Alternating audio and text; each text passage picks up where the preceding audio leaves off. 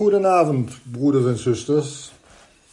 Ook vanavond gaan wij weer naar, de, naar het boek Openbaring, waar we de vorige keer waren bij de brief aan Philadelphia, de broederliefde. Dat is de zesde brief die wij in Openbaring vinden, namelijk in Openbaring 3 vanaf vers 7 tot en met 13. En die brief aan Philadelphia, aan de gemeente, aan de geest der gemeente in Philadelphia, die beschrijft de periode in of van de kerkgeschiedenis, waar toch, uh, ik noem het maar, menig gelovige mensen waren. Waar gelovige mensen het evangelie predikten, waar ze het leerden en waar ze het evangelie uitgelegd hebben, naar de schriften wel te verstaan. Want uh, zoals wij weten is het woord van God, de profetie, al de schrift niet geschikt voor eigen uitleg. Maar wat de mensen in die tijd voornamelijk deden was, zij onderzochten de schriften oprecht. En ze hadden, ze hadden het woord zijner leidzaamheid, wil zeggen het woord van die leidzaamheid van Christus, bewaard. Dat was dan vers 10 van openbaring 3 en vers 11. Omdat gij het woord mijner leidzaamheid bewaard hebt, zo zal ik ook u bewaren uit de uren der verzoeking die over de gehele wereld komen zal, om te verzoeken die op de aarde wonen. Zie, ik kom haastelijk, houd dat gij hebt, opdat niemand uw kroon nemen. Staat er dan in deze versen. Deze mensen dus, zij hebben passie. Zij hebben met gedrevenheid, met leidzaamheid de loopbaan gelopen die ons gelovigen allemaal voorgesteld is. Want die loopbaan, dat is uiteraard de geloofsloopbaan. Denk maar aan Hebreeën hoofdstuk 12, waar in Hebreeën 12 staat: Laat ons dan met leidzaamheid lopen de loopbaan die ons voorgesteld is, ziende op onze overste leidsman des geloofs. Dus de leidsman des geloofs. Het gaat dus om het lopen van de geloofsloopbaan. Of zoals de apostel Paulus in 2 Timotheus hoofdstuk 4 zegt. Ik sla dat even op. Want we hadden ja hier in vers 11 uh, eh, gelezen over de kroon. En in 2 Timotheus hoofdstuk 4 staan vanaf vers uh, eh, 7 die bekende woorden van de apostel Paulus. Ik heb de goede strijd gestreden. Ik heb de loop geëindigd. Ik heb het geloof behouden. Dat is dus drie keer hetzelfde. Want als we willen weten, wat is dan die goede strijd? Of wat is het lopen van de loop? Dan is het, ik heb het geloof behouden. En het resultaat daarvan is, als men vasthoudt in het geloof, voorts is mij weggelegd de kroon, de kroon der rechtvaardigheid of der gerechtigheid, welke mij de Heer, de rechtvaardige rechter, in dien dag geven zal, en niet alleen mij, maar ook allen die zijn verschijning liefgehad hebben. Zijn verschijning liefhebben, dat is gewoon het lopen van die loopbaan des geloofs, want dat is de inhoud van ons geloof. En daar heb je dan ook in vers 8 hier van 2 Timotheus 4 de kroon. Want dat is wat in openbaring 3 vers 11 staat. Zie, ik kom haastelijk, houd dat gij hebt, opdat niemand uw kroon nemen. Het gaat dus om het vasthouden van die hoop. Het vasthouden van die hoop waartoe wij volgens 1 Petrus hoofdstuk 1 vers 3 wedergeboren zijn. Want daar staat, wij zijn wedergeboren tot een levende hoop. Opdat die hoop die wij hebben in ons zou actief leven. En wij hebben hoop, zegt 1 Petrus 1, wij hebben hoop op een onverderfelijk, onverwelkelijk en onbevlekkelijk erfenis. Of zal ik zeggen, we hebben hoop op die kroon, want het is weer hetzelfde. Of zal ik zeggen, op het loon of op de heerlijkheid. Want ons geloof, broeders en zusters, is een vaste grond der dingen die men hoopt. En bovendien ook nog een bewijs de zaken die men niet of nog niet ziet. Dus die hoop, die kroon, het loon, dat zouden we vasthouden. En als ik even twee bladzijden terugsla in mijn Bijbel naar de tweede Johannesbrief, dan is daar ook een waarschuwing en een oproep in vers 8, namelijk, daar staat in de tweede brief van de apostel Johannes in vers 8, Zie toe voor uzelven dat wij niet verliezen hetgeen wij gearbeid hebben, maar een vol loon mogen ontvangen. Want het loon, de kroon, die heerlijkheid, dat kan je wel op het spel zetten. Maar de oproep is, hou vast wat je in de Heer hebt en waarin je gelooft en hou die hoop in ieder geval vast. En in de tijd van Philadelphia, in die tijd waar we nu over spreken, die periode, daar waren er echt, ik noem dat maar zo, echt gelovigen, christenen, die dat ook deden. Die, um, die dat evangelie ook serieus namen en alleen zich een beroep gedaan hebben op het woord van God. Het was dus dan eigenlijk een hoogfase van het evangelie of van de prediking van het evangelie. En men zou dat vasthouden, want Vers 11, ziet, ik kom haastelijk. Dat weten we nu eenmaal. De Heer komt terug. En wij leven in de zalige hoop op de verschijning der heerlijkheid van onze grote God en zaligmaker, Jezus Christus. Zo staat het in ieder geval in Titus 2. En welke verzoeking dan ook komt. En die verzoeking komt, zoals het gewoon in vers 10 van Openbaring 3 staat eh, om welke verzoeking dan ook, of welke uren der verzoeking, wat er ook gebeurt, broeders en zusters, houd vast, blijf staan, want wij zijn onderweg naar de kroon, naar de openbaring van het loon. Dat kan ons niemand nemen als we staande blijven en als we trouw blijven in het geloof, of met Paulus gesproken, als we de loopbaan lopen die ons voorgesteld is. Jammer genoeg moet ik zeggen is van die tijd hier in Philadelphia, waar het uh, in deze zesde brief over gaat, daar is tegenwoordig weinig van overgebleven. Ik heb laatst nog een keer een, uh, dat was per toeval dat ik, dat ik op zo'n site kwam van een christengemeente en waar daar zondags een spreker was. En ik had gedacht, nee, dat had ik beter niet moeten doen. Of ik moet het alleen maar doen als ik me bewust wil ergeren of frustreren, want uh, die beweerden dat dan de, dat Christus iemand anders is als Jezus Christus en iemand anders als de Heilige Geest. En uh, ik, ik wil het helemaal niet allemaal herhalen, maar het was de grootste onzin. En ik vind gewoon dat als ik gesprekken voer met mensen die naar traditionele kerken gaan, dat daar nauwelijks begrip is en kennis van het woord Gods. Maar nogmaals, die uren der verzoeking, die is al lang begonnen, moet ik zeggen. Want verzoekingen komen van de duivel, zoals jullie weten. En uh, uh, nou ja, in de toekomst, uh, of, of zeg maar, die is begonnen eigenlijk. Ehm, en die wordt in de toekomst, dat wil ik zeggen, die wordt in de toekomst eigenlijk alleen maar groter, die verzoeking. En ook die afval of de afval van het geloof. En wat het nieuwe Jeruzalem betreft, want in openbaring 3 vers 12 staat je dan, die overwint, ik zal hem maken tot een pilaar in de tempel mijn gods. Daar hebben we dacht ik, vorige keer over gehad. En dan staat er aan het tweede gedeelte van dit vers ook, en de naam der stad mijn gods, namelijk dus nieuwe Jeruzalems, dat uit de hemel van mijn God afdaalt en ook mijn nieuwe naam. Dus het nieuwe Jeruzalem dat van de hemel zou afdalen, ja, broeders en zusters, dat is niets anders als het koninkrijk van Christus. Dat is dat nieuwe Jeruzalem. Nogmaals, dat koninkrijk van Christus, dat nieuwe Jeruzalem, is nu nog verborgen in de hemel, maar straks zal het worden geopenbaard, zal het nederdalen.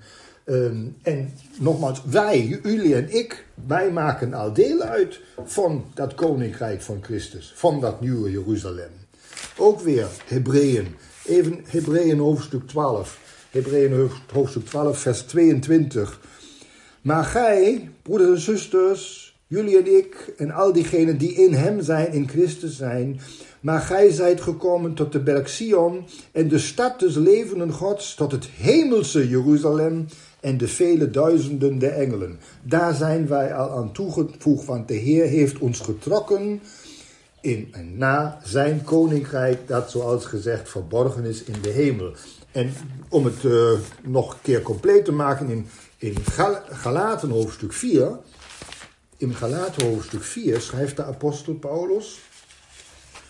in Galaten 4, waar het gaat om Saga en Haga en voorbeelden van de twee verbonden, oude en nieuwe verbond, daar staat dan in vers 25, want dit, namelijk Aga, is Sinaï, een berg in Arabië en komt overeen met Jeruzalem dat nu is en dienstbaar is met haar kinderen.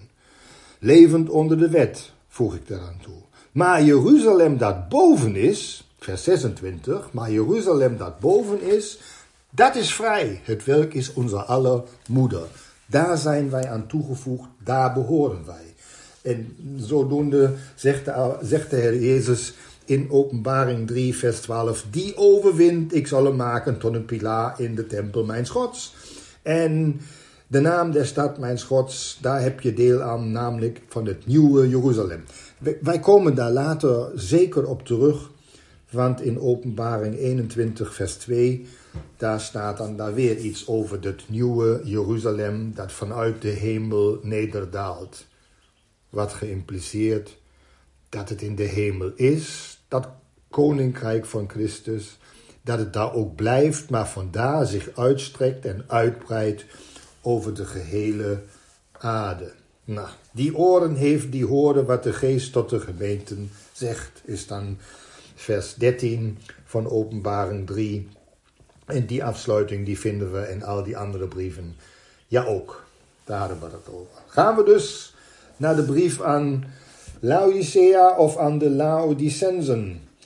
Dat is dan de zevende en de laatste brief die we hier in openbaring vinden. En daar staat dan het vanaf vers 14.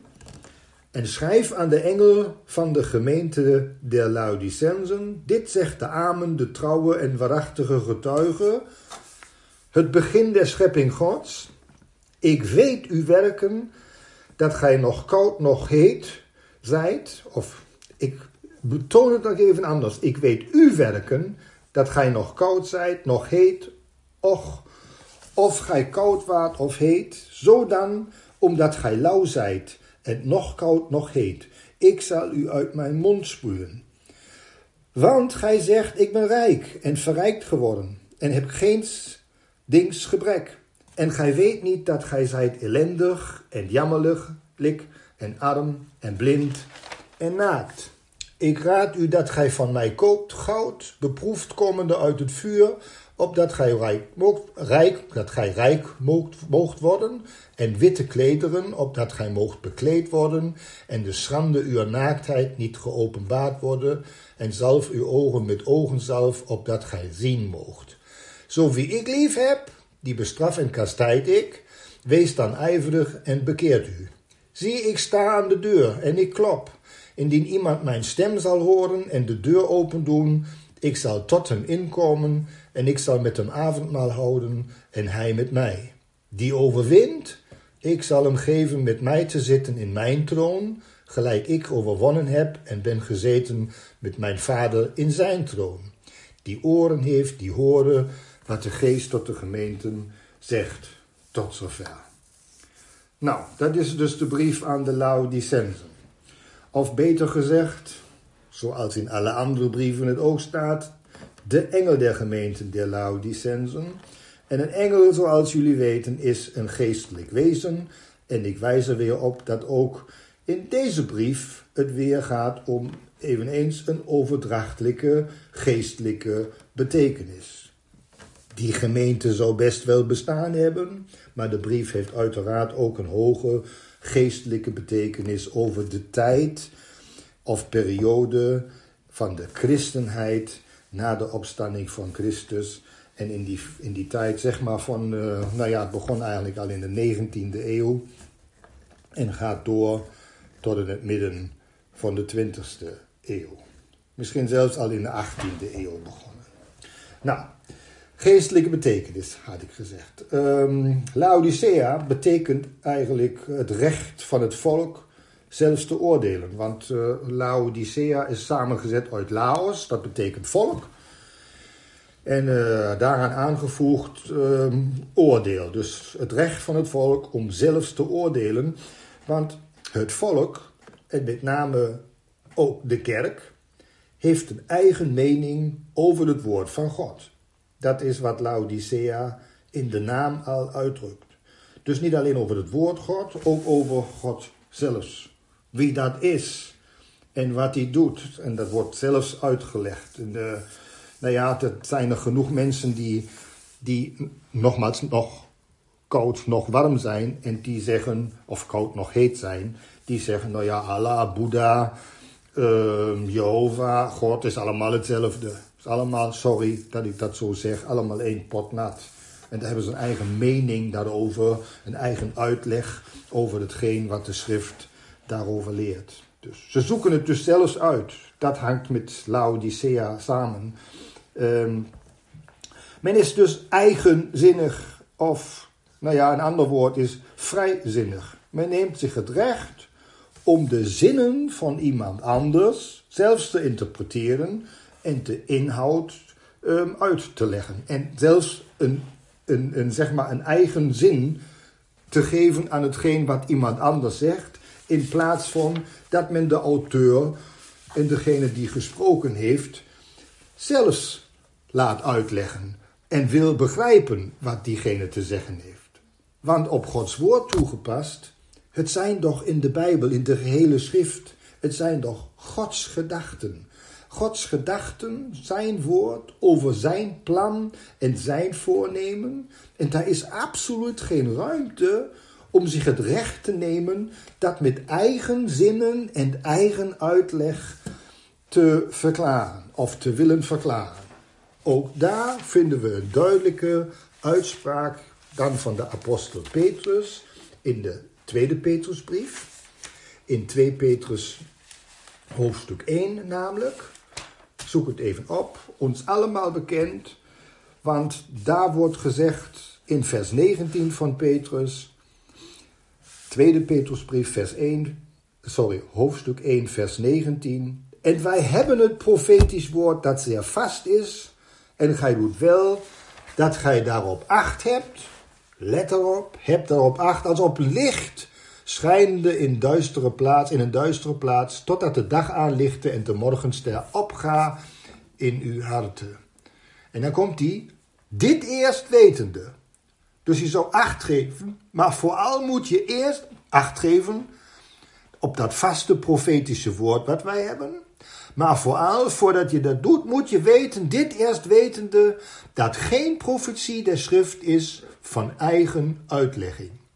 Dus je hebt niet het recht om de zin en de zinnen en de gedachten die God neergelegd heeft met je eigen woorden uit te leggen en met je eigen gedachten uit te leggen. Want de profetie is voortijds niet voortgebracht door de wil eens mensen, maar heilige mensen Gods, van de Heilige Geest gedreven zijnde, hebben ze gesproken. Dus wij hebben dat profetisch woord en het is vast en we doen goed eraan dat we alleen maar daarop acht geven en niet vrijzinnig zijn en ons zelfs bedenken wat zou het dan betekenen. Maar dat deed men dus wel in die periode van Laodicea. Precies in die periode van het zogenoemd, ik noem het maar, christendom, daar bevinden wij ons nu nog steeds. Want het is begonnen, nou ja, in ieder geval midden van de 20e eeuw, maar eh, eigenlijk overduidelijk nog veel vroeger, namelijk zeker al 100 jaar vroeger, begin van de 9e ja, eeuw, zelfs aan het einde van de 18e eeuw. En de kerk maakt zelfs uit, dat is kenmerkend voor deze periode in het zogenoemde christendom, de kerk maakt zelfs uit hoe men het woord te interpreteren heeft. En daar kan alles en daar mag ook alles. Dat noemt men dan ook nog tolerant. Want daar vinden diensten plaats. Dat heb ik laatst nog gezien, met, uh, met de kerst was dat. Daar vinden diensten plaats waar de christenen, zogenoemd christenen, katholieken, evangelischen, moslims, joden, orthodoxen, ja zelfs vrijdenkers, allemaal samen bij één dienst zijn en die dienst samen maken op één weg. Want ze zeggen toch dat ze allemaal diezelfde God hebben. En ze weten allemaal niet op welke weg ze eigenlijk gaan en waar die weg naartoe leidt. Want die leidt niet naar de Heer, dat is wel heel duidelijk. En ze denken dat de kerk dat de kerk, dat zij zelfs de kerk zijn en daarmee ook de gemeente zijn, de kerk van Christus, en dat zij de opdracht hebben om die kerk, om het koninkrijk, of dat die kerk het koninkrijk op aarde moet uitbreiden en vestigen. Ja, broeders en zusters, dit is echt de gedachte in de kerken. Als je maar kijkt of maar gaat naar een gewone kerkdienst, katholieke kerk, reformeerde kerk, dan zul je zien, het gaat alleen maar om aardse zaken. Het gaat alleen maar om wat wij allemaal kunnen doen, maar onze werken of hun werken, zoals dat in de brief ook begint. Ik weet uw werken, zegt de Heer. En ik vind het vreselijk, zegt hij dan. Maar nogmaals, wij horen daar niet bij, broeders en zusters. Wij zijn, ik zeg het maar zo, wij zijn echt christen. Wij horen bij de ene gemeente, namelijk die van Jezus Christus, met Hem als het hoofd. En wij zijn met Christus, met Hem en in Hem, zijn wij verborgen in de hemel. Want dat koninkrijk van Christus, dat is er wel, maar nogmaals, het is nu nog verborgen bij God in de hemel. En het is absoluut niet ons werk op onze opdracht. Het gaat om, om zijn werk. Het is niet ons werk en onze opdracht dat koninkrijk nu in deze wereld, die trouwens van de Heer losgelaten is, dat koninkrijk hier te openbaren. Of hier te vestigen en te plaatsen. Hij zal straks in de toekomst zijn koninkrijk op aarde uitbreiden. Het is zijn werk. Niet wij en ook niet nu en niet hier. Want dit is onze wereld niet. En ik zeg het graag nog een keer met het lied. Dit is mijn wereld niet. Ik hoor hier niet bij. Dus, kijk, daarom staan, deze brieven hier in openbaring. De Heer laat zien wat met de christen, kleine c, hier in de wereld allemaal gebeurd is. Want we lopen natuurlijk sinds die 2000 jaar, loopt de christelijke mens natuurlijk hier op aarde rond.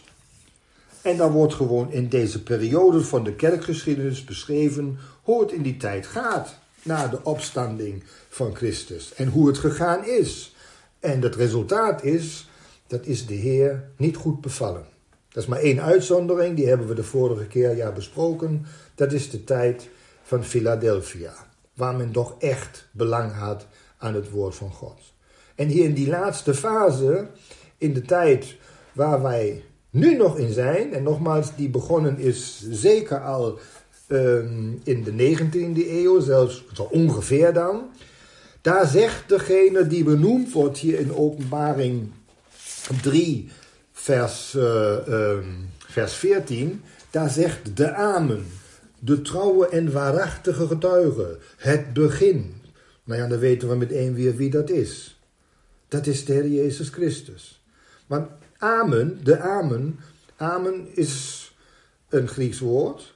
En als het vertaald wordt in de Statenvertaling staat er voorwaar, voorwaar. Zo is het, zo is het. Het is waar. En dat zegt de trouwe, de getrouwe en waarachtige getuige, de waarachtige, de waarheid. Namelijk de waarachtige getuige. Nou ja, en de getuige, dat is de Heer Jezus Christus, die van Gods woord getuigt. Want hij is het uitgedrukte beeld van het wezen Gods. En daarmee is hij de waarachtige, de trouwe getuige die dat woord doorgeeft. En daarmee is hij ook de waarheid. En daarmee is hij ook het begin. Want in het begin was het woord. En het woord was bij God. En het woord is God. En als God spreekt, en dat heeft hij van begin af aan gedaan. Men lezen Genesis 1. Als God spreekt, dan spreekt hij de waarheid. En de Heer Jezus Christus, de opgestaande Heer, getuigt daarvan en wordt daarom genoemd de getrouwe getuige. Hij is God. Hij is volgens Titus 2 onze grote God en zaligmaker, Jezus Christus, die we geacht worden te kennen. En wij kunnen hem kennen, broeders en zusters. Ik, ik ga weer een paar bladzijden terug naar de eerste brief van Johannes. De eerste brief van Johannes, in 1 Johannes 5 namelijk. Daar lees ik in vers 19, helemaal aan het einde van de brief. dan lees ik, wij weten dat wij uit God zijn en dat de hele wereld ligt in het boze. Doch wij weten dat de Zoon van God gekomen is en heeft ons het verstand gegeven dat wij de waarachtige, de getrouwe en waarachtige, dat wij den waarachtige kennen. En wij zijn in de waarachtige, namelijk in zijn Zoon Jezus Christus. En over die Zoon Jezus Christus wordt gezegd, deze is de waarachtige God en het eeuwige leven. Dus daar heb je de amen, de trouwe en waarachtige getuige, de ware God, onze grote God en zaligmaker Jezus Christus. Nou, terug naar, terug naar openbaring 3. Daar staat er dan in vers 15 en 16. Ik weet uw werken, dat gij nog koud zijt, nog heet. Och, of gij koud waart of heet. Zo dan, omdat gij lauw zijt en nog koud nog heet, ik zal u uit mijn mond spuwen. Broeders en zusters, het zal je maar gezegd worden. Beschamend is dat. En ik koppel daaraan ook de apostel Paulus in zijn uitspraak in Filippenzen 3, waar hij wenend zegt, Filippenzen 3 vanaf vers 17 is dat zo ongeveer, waar hij wenend zegt dat diegenen die aardse dingen bedenken, en kijk maar wat ze in de kerken tegenwoordig doen. Daar wordt alleen maar over aardse dingen gesproken. En hij zegt over die die aardse dingen bedenken, dat is een schande. Dat is vijandschap. En dat loopt af op verderf en niet op loon. En daarmee houdt de hele, sorry, bijna de hele christenheid zich mee bezig. En de Heer keurt het handelen van de kerken, van dat zogenoemde christendom, dat aardsgericht is, hij keurt het echt af. Lauw, dat is nog koud, nog heet. Nou ja, als het koud was, dan zou men zeggen, nou ja, men wijst het hele woord af. Dat is koud. Dan heb je helemaal niks met het woord. Maar als het ook niet heet is, dan heb je ook geen passie daarvoor. Dan ben je ook niet enthousiast over het woord van God. En dan heeft men geen leidenschap. Leidenschap? Leidenschap in het Duits geen passie voor het woord, ja, dan is men niet gedreven, dan heeft men geen gedrevenheid. En ik, sorry nogmaals dat ik het alweer zeg, maar ehm, in gesprekken met, ik noem het dan maar kerkmensen, en die kennen er een heleboel van, daar vind ik meestal geen enkel belang voor het woord van God, voor de Bijbel. Het gaat altijd over de mensen zelfs, over de wereld, en hoe men de Heer zou zo ver krijgen dat hij zich met deze wereld bemoeit, terwijl hij toch deze wereld heeft losgelaten. Men wil het niet begrijpen omdat men niet open staat om de schrift te onderzoeken en te zien wat de Heer te zeggen heeft, maar men is vrijzinnig genoeg om het allemaal op eigen manier en naar eigen weten uit te leggen. Dus. Nou ja, ze willen geen Bijbelstudie doen, kan ik ook zeggen. Ze willen geen Bijbelstudie doen om opgebouwd te worden en te zien wat de Heer te zeggen heeft. Wat Hij doet. Het is zo belangrijk dat we het tegenwoordige werk van Christus ook leren kennen. Want Zijn werk is het dat wij als gemeente gebouwd worden. Zijn werk is het dat Hij zich een volk verzamelt voor Zijn naam en dat wij gewoon geacht worden aan Zijn voeten te zitten en te luisteren. En nogmaals, dat speelt nauwelijks een rol in de kerken. Daar heeft men geen weet van. En de schrift noemt dat hier in Openbaring 3, het is lauw en ik spug het uit mijn mond. En vers 17 dan van Openbaring hoofdstuk 3, vers, uh, vers 17. Want gij zegt, ik ben rijk en verrijkt geworden en heb geen dings gebrek en gij weet niet dat gij zijt ellendig en jammerlijk en arm en blind en naakt.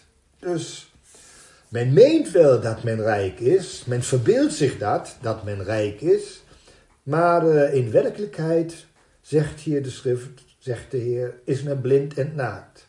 Blind is men als men niet ziet. Men denkt wel dat men het weet en acht zichzelf ook nog hoger dan de Bijbel, wat dan toch echt hoogmoed is.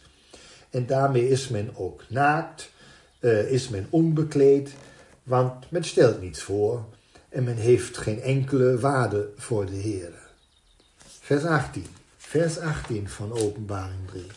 Ik raad u dat gij van mij koopt goud, beproefd komende uit het vuur, opdat gij rijk moogt worden en witte klederen, opdat gij moogt bekleed worden. En de schande uw naaktheid niet geopenbaard worden, en zalf uw ogen met on, ogenzalf, opdat gij zien moogt. Dus um, goud staat voor hetgeen wat waardevol is en wat onvergankelijk is, wat blijvend is, weten wij. En als hier staat, men zou dat kopen, dat onvergankelijke, nou, dan staat ja hier, ik raad u dat gij van mij koopt goud. Dan moet ik daarbij zeggen dat dat kopen, dat dat ook kan zonder geld. En daar vinden wij in het Oude Testament een prachtig voorbeeld of een prachtige uh, uitspraak in Jesaja 55. In Jesaja 55 namelijk, ik, uh, ik zoek het even op. In Jesaja 55.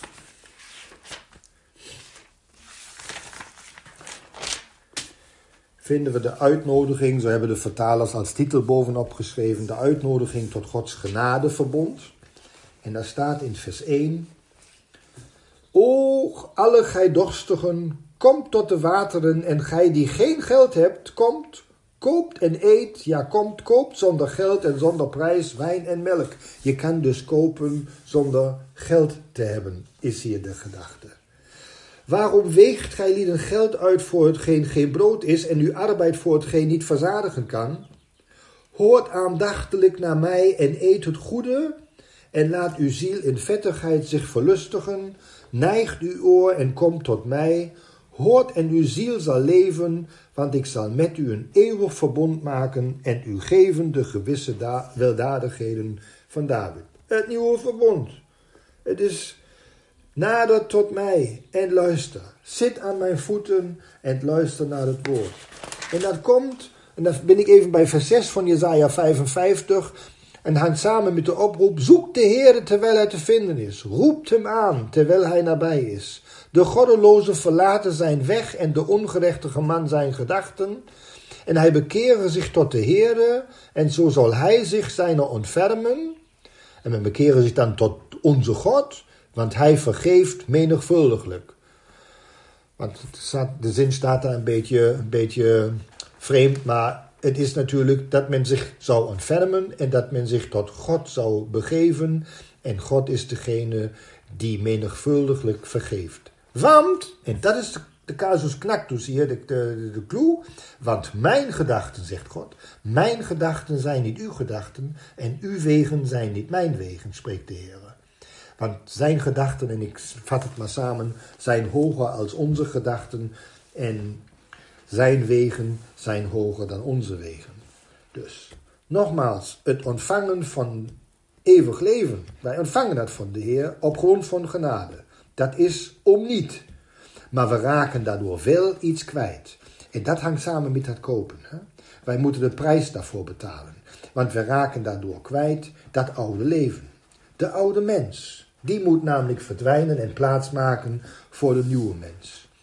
En je moet je eigen ideeën en je eigen gedachten verlaten. Want nogmaals, zijn gedachten zijn hoger dan onze gedachten. En dat kost je heel wat. In die zin. We geven ons leven aan de Heer. We geven ons leven aan Hem. Dat is het veiligste wat wij kunnen doen, broeders en zusters. Het beste wat ons had kunnen overkomen, dat we ons leven aan Hem toevertrouwen, dat we aan Zijn voeten zitten en aan, naar Zijn woord luisteren. Want zo worden wij rijk, rijkelijk gevuld met heerlijkheid, of daar wordt ons Zijn heerlijkheid in ons openbaar gemaakt. En zo ontdekken wij die heerlijkheid, toch? En het lijden wat ons overkomt en ook de verdrukking en ook de verzoekingen, het weegt allemaal niet op tegen de heerlijkheid. Het is niet te waarderen tegen de heerlijkheid die aan ons geopenbaard zal worden. En zo worden wij overkleed. Wij kopen zonder geld. We, laten de, we betalen de prijs Namelijk de oude mens moet weg, doet dan die nieuwe mens aan. En 2 Korinthe hoofdstuk 5, die, die heb ik even in het hoofd, die zoek ik ook op. 2 Korinthe hoofdstuk 5, die zegt dan dat wij een gebouw hebben in de hemel. Dat weten wij. En daar zuchten wij in. En wij verlangen met onze woonsteden die uit de hemel is overkleed te worden. Is 2 Korinthe 5 vers 2. En daar staat in vers 3. Zo wij ook bekleed en niet naakt zullen gevonden worden. Zo is het. En daarom koppel ik dat weer aan openbaring hoofdstuk, uh, hoofdstuk 3 vers 18. Want ik raad u dat gij van mij koopt goud, dat is onvergankelijk, door het vuur beproefd. Koop uit het vuur, opdat gij rijk moogt worden, en witte klederen, opdat gij moogt bekleed worden, en de schande uw naaktheid, naaktheid niet geopenbaard wordt. Dat is het waar het hier over gaat. Het kost je el wat. De Heer voedt ons namelijk op. En hij is degene die de de schande onze naaktheid bedekt.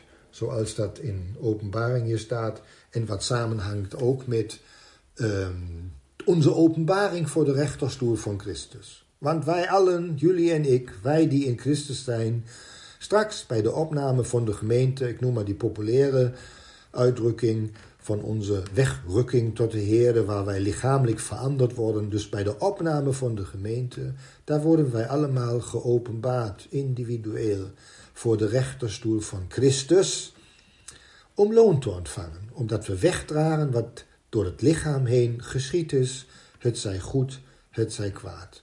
Wat werken, onze werken uit geloof waren, die worden beloond. Dat is voornamelijk dat we ons die redelijke godsdienst doen, dat we ons ter beschikking stellen aan Hem, met ons lichaam hier, dat Hij in ons kan komen en in ons met zijn woord kan werken.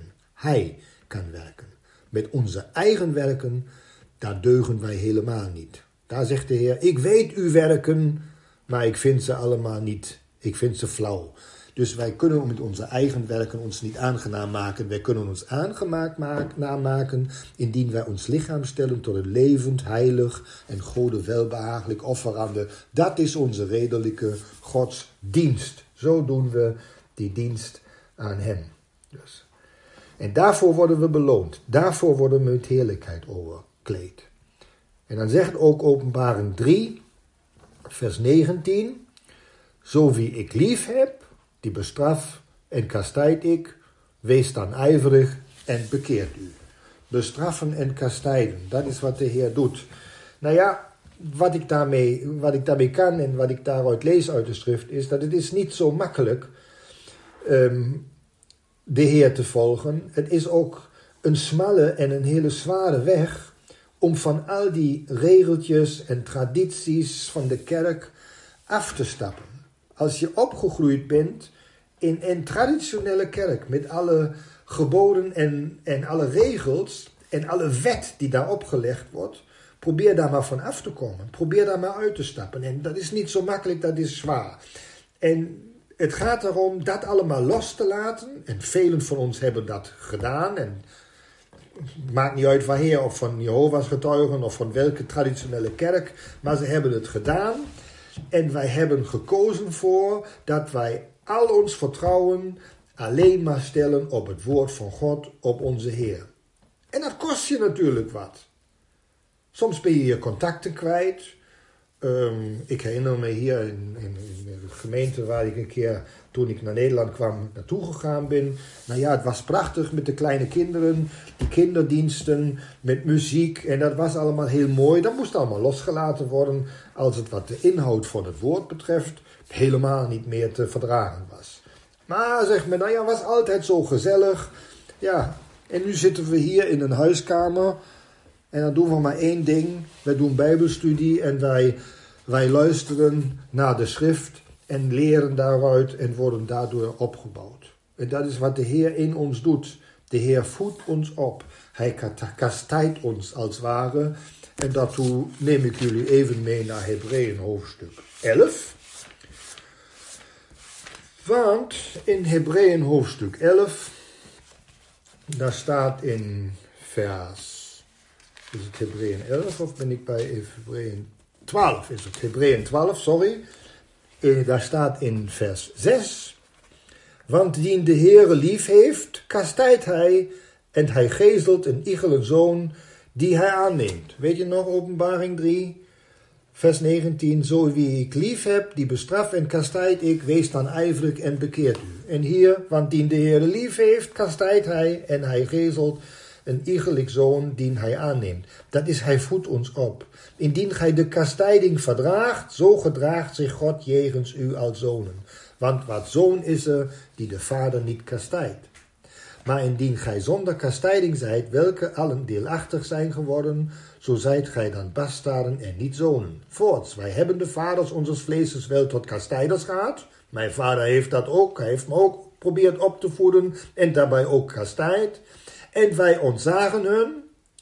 Zullen wij dan niet veel meer de vader der geesten onderworpen zijn en leven? Want dat is wat met ons vertrouwen stellen op de Heer van doen heeft.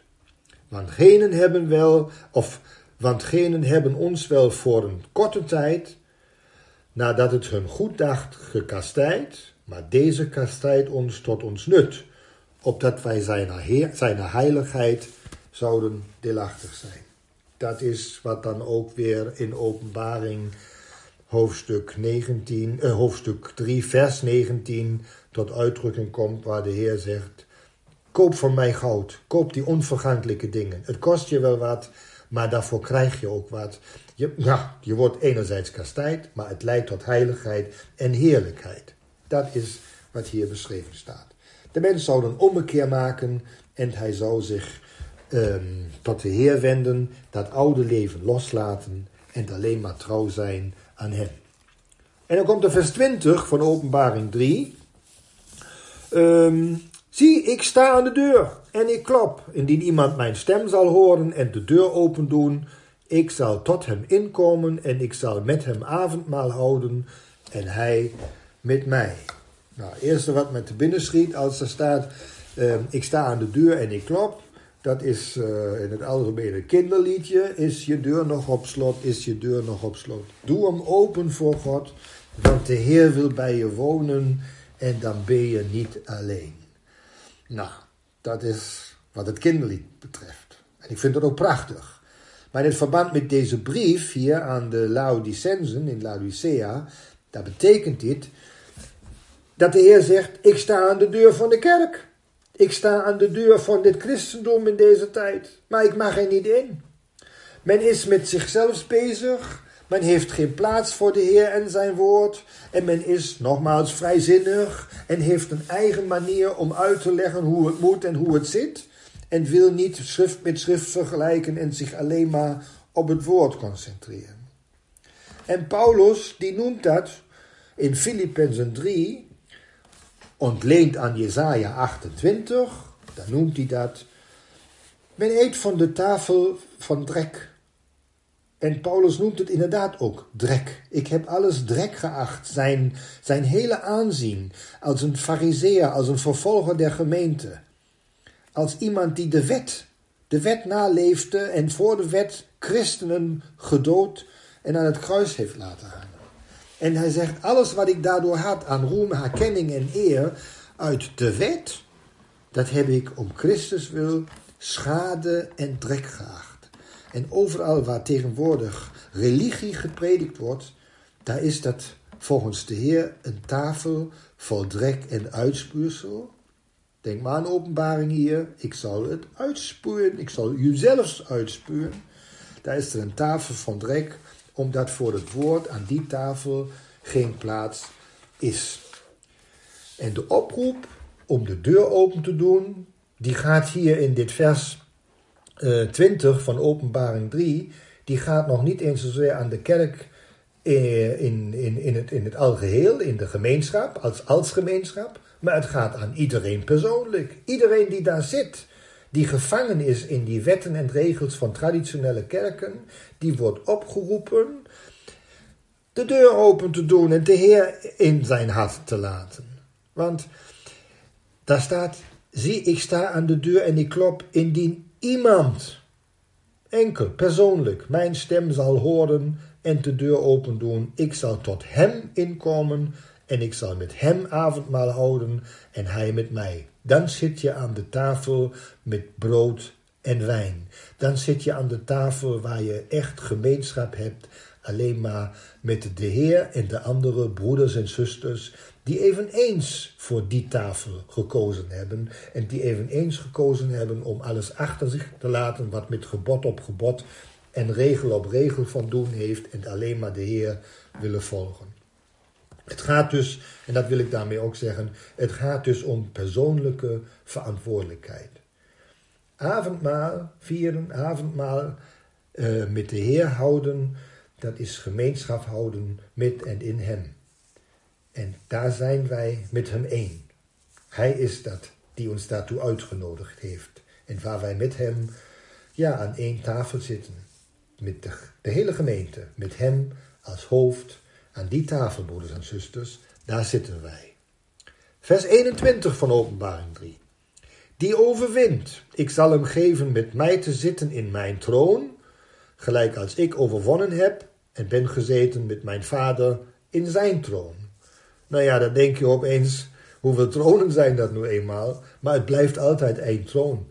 Want met mij in mijn troon, en waar zit de Heer? Hij zit met zijn vader op de troon van zijn vader. Dus daar zit. Hij is er maar één troon.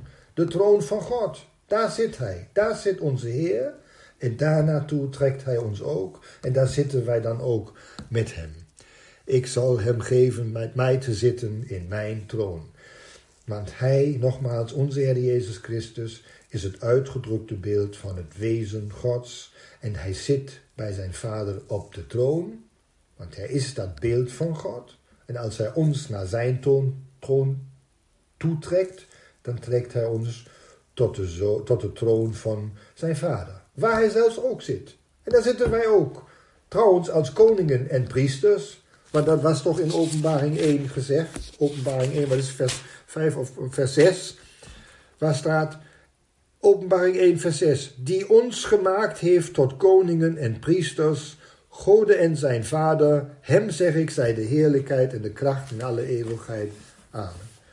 Dat is wat voor ons klaar ligt, broeders en zusters. Een kroon, loon, heerlijkheid. En dat is wat we toch absoluut niet op het speel zouden zetten. Nogmaals met uh, de tweede brief van Johannes gesproken.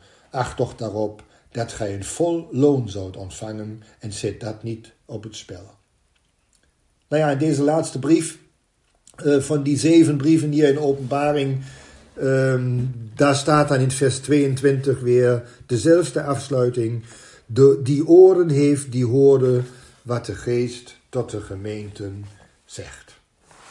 daarmee zijn we dan aan het einde gekomen van deze reeks van brieven en van de overzicht van de kerkgeschiedenis, waar ik, waar ik nogmaals zeg, al die ik noem maar misstanden. Alles wat daar misging. Dat is een keer begonnen, daar hebben we bepaalde periodes en het zet zich eigenlijk van begin af aan voort tot nu toe. Want alles wat staat van de eerste brief tot de zevende brief, dat vind je in bepaalde mate tegenwoordig ook. Waarbij tegenwoordig sowieso kenmerkend en zeg maar bijzonder duidelijk is dat men het woord niet meer serieus neemt en zich een eigen religie creëert en meent dat men het recht heeft zichzelf gedachten te maken en zelfs uit te leggen wat de Heer te zeggen, wat de Heer gezegd heeft om dat te interpreteren. Wat een drama, wat een hoogmoed in deze wereld. En ik wil de Heer danken daarvoor dat jullie en ik bereid zijn om dit allemaal los gelaten te hebben, dat we dat gedaan hebben en dat wij allemaal voor ons gezegd hebben, het gaat maar om één ding. Het gaat om Hem. Het gaat om Christus. Het gaat om het woord Gods, onze Heer en Heiland. En Hij openbaart ons, Hij leidt ons in al de waarheid en Hij leidt ons naar het doel, naar de prijs der roeping Gods, waartoe wij geroepen zijn tot die prijs die van boven is, namelijk dat wij met heerlijkheid overkleed zouden worden. Of zal ik zeggen dat we lichaam veranderd zou worden, zodat het aan zijn verheerlijk lichaam gelijkvormig zal zijn. Daar zijn we op weg naartoe, broeders en zusters. En ik hoop dat die dag zo, na, zo dichtbij is aanstaande is, dat we hem samen allemaal happy mee mogen maken. Hier nog rondlopende bedoel ik, want als ons iets overkomt, wij maken het sowieso mee. Vader de hemel, ik wil u dank zeggen daarvoor dat wij uw woord hebben, dat vaste profetische woord. Dat we daarop acht mogen geven, dat we dat mogen onderzoeken. Dat we mogen onderzoeken of deze dingen ook zo zijn, want u, Heer, hebt in uw woord zelfs de verklaringen gegeven om het te kunnen begrijpen. U hebt ons het verstand gegeven om u te leren kennen. Uw positie, wie u bent, wat u van het begin af gedaan hebt, wat u nu nog doet en ook wat u in de toekomst doen zult, Heer. Wij kunnen het lezen, leren, wij kunnen het ontvangen uit uw woord, Heer. En ik wil u danken dat u ons in de vrijheid plaatst om dat te doen. Jammer genoeg op het moment niet zo met elkaar dat we elkaar lichamelijk zien, dat we samen in een kamer of in een zaal zitten, maar dat we het op het moment moeten doen met de hulp van onze telefoons en uh, computers. Maar heren, wij weten dat niets is hier blijvend en dat de dingen allemaal veranderen, maar dat één ding niet verandert, dat is uw woord, uw trouw, uw liefde en uw genade. Dank u wel, heren, dat we daaraan deel hebben en dat we daar een beroep op mogen doen. Dat u ons de kracht geeft om door deze tijd te gaan, wat er ook komt, welke verzoeken er ook is, welk virus ook verspreid wordt. Wij hebben zekerheid omdat we een vast thuis hebben bij u. Omdat we weten dat wij met u in de hemel zijn en dat u daar voor ons zorgt en dat we daar elkander ontmoeten voor de troon der genade. Dank u wel daarvoor. Amen.